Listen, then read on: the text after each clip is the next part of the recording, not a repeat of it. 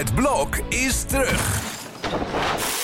Vier koppels, vier bouwvallen, vier verbouwingen en dus een hele hoop stress. Het blok, iedere werkdag om half negen bij net vijf.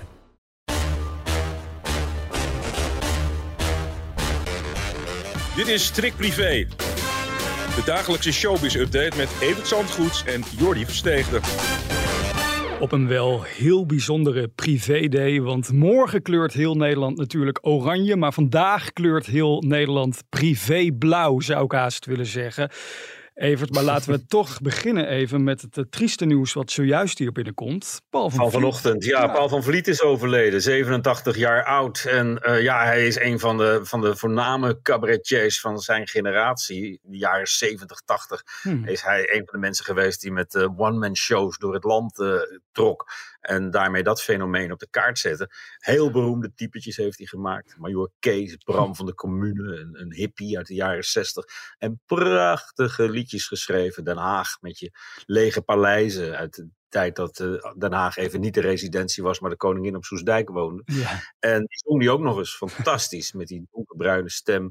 En uh, ja, hij zal zeer worden gemist. Hij was een uh, geliefd figuur in de, in de showbiz, onomstreden. Mm -hmm. uh, goed bevriend met koningin Beatrix en, en, en prins Klaus. Voor wie die optrad vlak voor hun huwelijk. Ook een legendarisch optreden. Ja. En Paul van Vliet heeft enorme successen gehad. En zal worden herinnerd als, wat ik zeg, een van de grote namen van zijn generatie. Generatie die verder bestaat natuurlijk uit een Herman van Veen en zo. En zij waren ook de zonen van Wim Kan genoemd. En, ja. Ja, het is een, uh, een groot verlies. Echt een icoon. 87 jaar is hij geworden. We wensen de familie natuurlijk uh, veel sterkte. Ja, hij bleef altijd heel erg jong. Je had nooit in de gaten dat hij al in de 60 was of in de 70 was of nu ja. in de 80 was. En dan dacht je van nou die wordt zeker zo oud als zijn vader die bijna 100 geworden is. Ja. Maar dan ineens uh, piept ook zo iemand ertussenuit. En het wordt steeds stiller in de showbiz. Ja, dat blijkt wel. Veel iconen die ons ontvallen helaas. Laten we het hebben over, nou ja, ik denk wel de meest spraakmakende privé in, in maanden, in jaren misschien wel? Is, dit is toch, dit is echt Nou, onbekend. ik vond het testament van Hazes ook nog wel een dingetje oh ja. een tijdje ja. geleden. Maar, uh, maar het verhaal van Gordon, of beter gezegd van zijn uh, tijdelijke verloofde ja. Gavin Rosario uit Melbourne. Dat mag er ook zijn. Afgelopen zondag hebben we hem uitgebreid geïnterviewd. Hmm. Edwin Bredius en ik. En uh, we wisten niet wat hoorden. We vielen van de ene verbazing in de andere. Omdat die jongen het, zijn verhaal zo sympathiek, zo ja. rustig en zo wel overwogen verteld. Gewoon, ja. dit is me overkomen. Ik leer hem kennen. Hij was hartstikke leuk. En op een gegeven moment gaan er wat alarmbellen af, rode vlaggen. Ja. Door die onbeheersbare uh, woede-uitbarstingen van Gordon. Om niets. Op het ene moment prijst hij de hemel in, zegt hij, en ben je de geweldigste man op aarde. En de volgende moment trapt hij in de grond. Bijvoorbeeld als je je paspoort in een vliegtuig laat liggen. Ja, dat was ook niet handig. Daar hebben we ook hartelijk om gelachen. Ja. Maar ja, ja, om er zo boos over te worden en twee dagen na de verloving al bijna je verlovingsring door de vertrekhal te, te, te gooien. En ja, dat is toch, geeft toch wel een ander beeld dan wat uh, Gordon zelf creëerde op Instagram. Waar hij ons bijna dagelijks op de hoogte hield van hoe geweldig het wel niet ging ja. met Gavin en hem. Maar even over die verloving, want daarvoor, ja, daarbij viel echt mijn mond open. Gordon heeft gezegd, dit was mijn mooiste dag ooit, want ik ben eindelijk ten huwelijk gevraagd. Huilend, hè? Ja. Huilend, ja. Maar hij heeft dat zelf een scène laten zetten. Ja, hij heeft dat al bedacht voordat ze naar de Malediven gingen. Ja. Toen heeft hij Gavin al foto's gestuurd van ringen die hij had gezien. ja. Toen hij eenmaal in Dubai was, zijn ze die samen wezen kopen. Ja. En vroeg Gordon, wil jij mij dan ten huwelijk vragen? Nou, dat heeft hij gedaan. Zegt, ja, ik vond het ook wel raar, maar als ik hem daar een plezier mee doe, dan uh, ja, alles voor, voor Instagram. Hij leeft voor Instagram.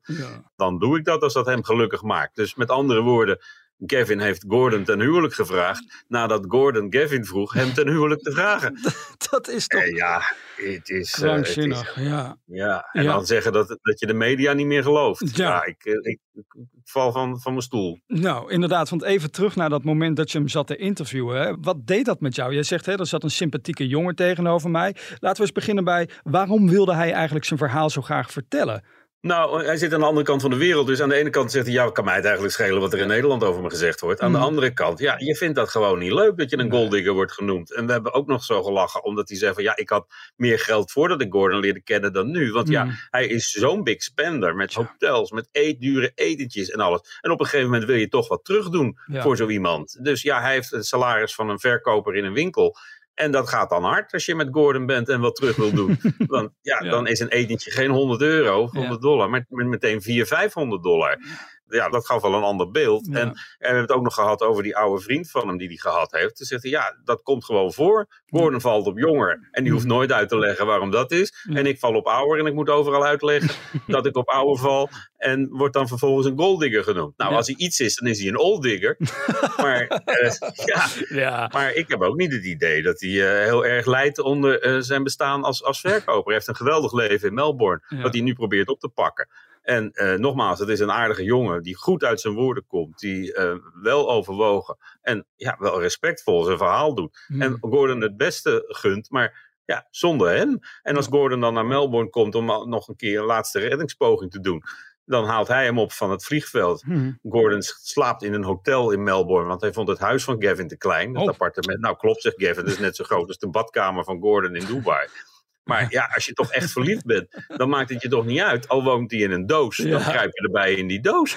Maar het, uh, Gordon boekt dan een hotel, dus daar zijn ze naartoe gegaan. Daar hebben ze nog een gesprek gehad. Vervolgens is Gavin naar huis gegaan en heeft gezegd, nou, tot ziens. En uh, ja, tot nooit meer, want dat staat ook op de cover waarom ik Gordon never, nooit meer wil zien. Oh, Evert, ik ben net terug van vakantie en ik val gewoon alweer van mijn stoel van verbazing door dit verhaal. Um, nog heel even, ik zag Yvonne Koldewijer reageren dat dit een trap na is die Gavin hier geeft. Ja, maar ze is aan het draaien en ze zegt oh. nu toch uh, wel heel andere dingen. Dus uh, ja, niet dat ik me daar al te veel van aantrek. Maar toen ik vanmorgen las van het was een trap na, dacht ik nou, jaloezie staat je niet, Koldewijertje. Mm. Dat is wat ze gisteren over mij zei, terwijl ik me zal zat te natuurlijk, omdat ik wist wat er vandaag zou komen. Maar uh, ja, ik, ik geloof dat Yvonne, het laatste bericht wat ik uh, net van haar doorkreeg, mm -hmm. is dat ze het verhaal heel herkenbaar vindt, omdat ze ervaringsdeskundig in de omgeving heeft, die ook een relatie zijn aangegaan met mensen met een jarenlange kookverslaving. Ja. Verslaving, ja. En dat dit gedrag erg uh, herkenbaar uh, klinkt. Ja. Dus ik heb mijn mening ook persoonlijk met Gordon gedeeld, zegt ze. Nou, dat zal niet uh, al te fijnzinnig geweest zijn. Nou ja. Kolderweijer reddende.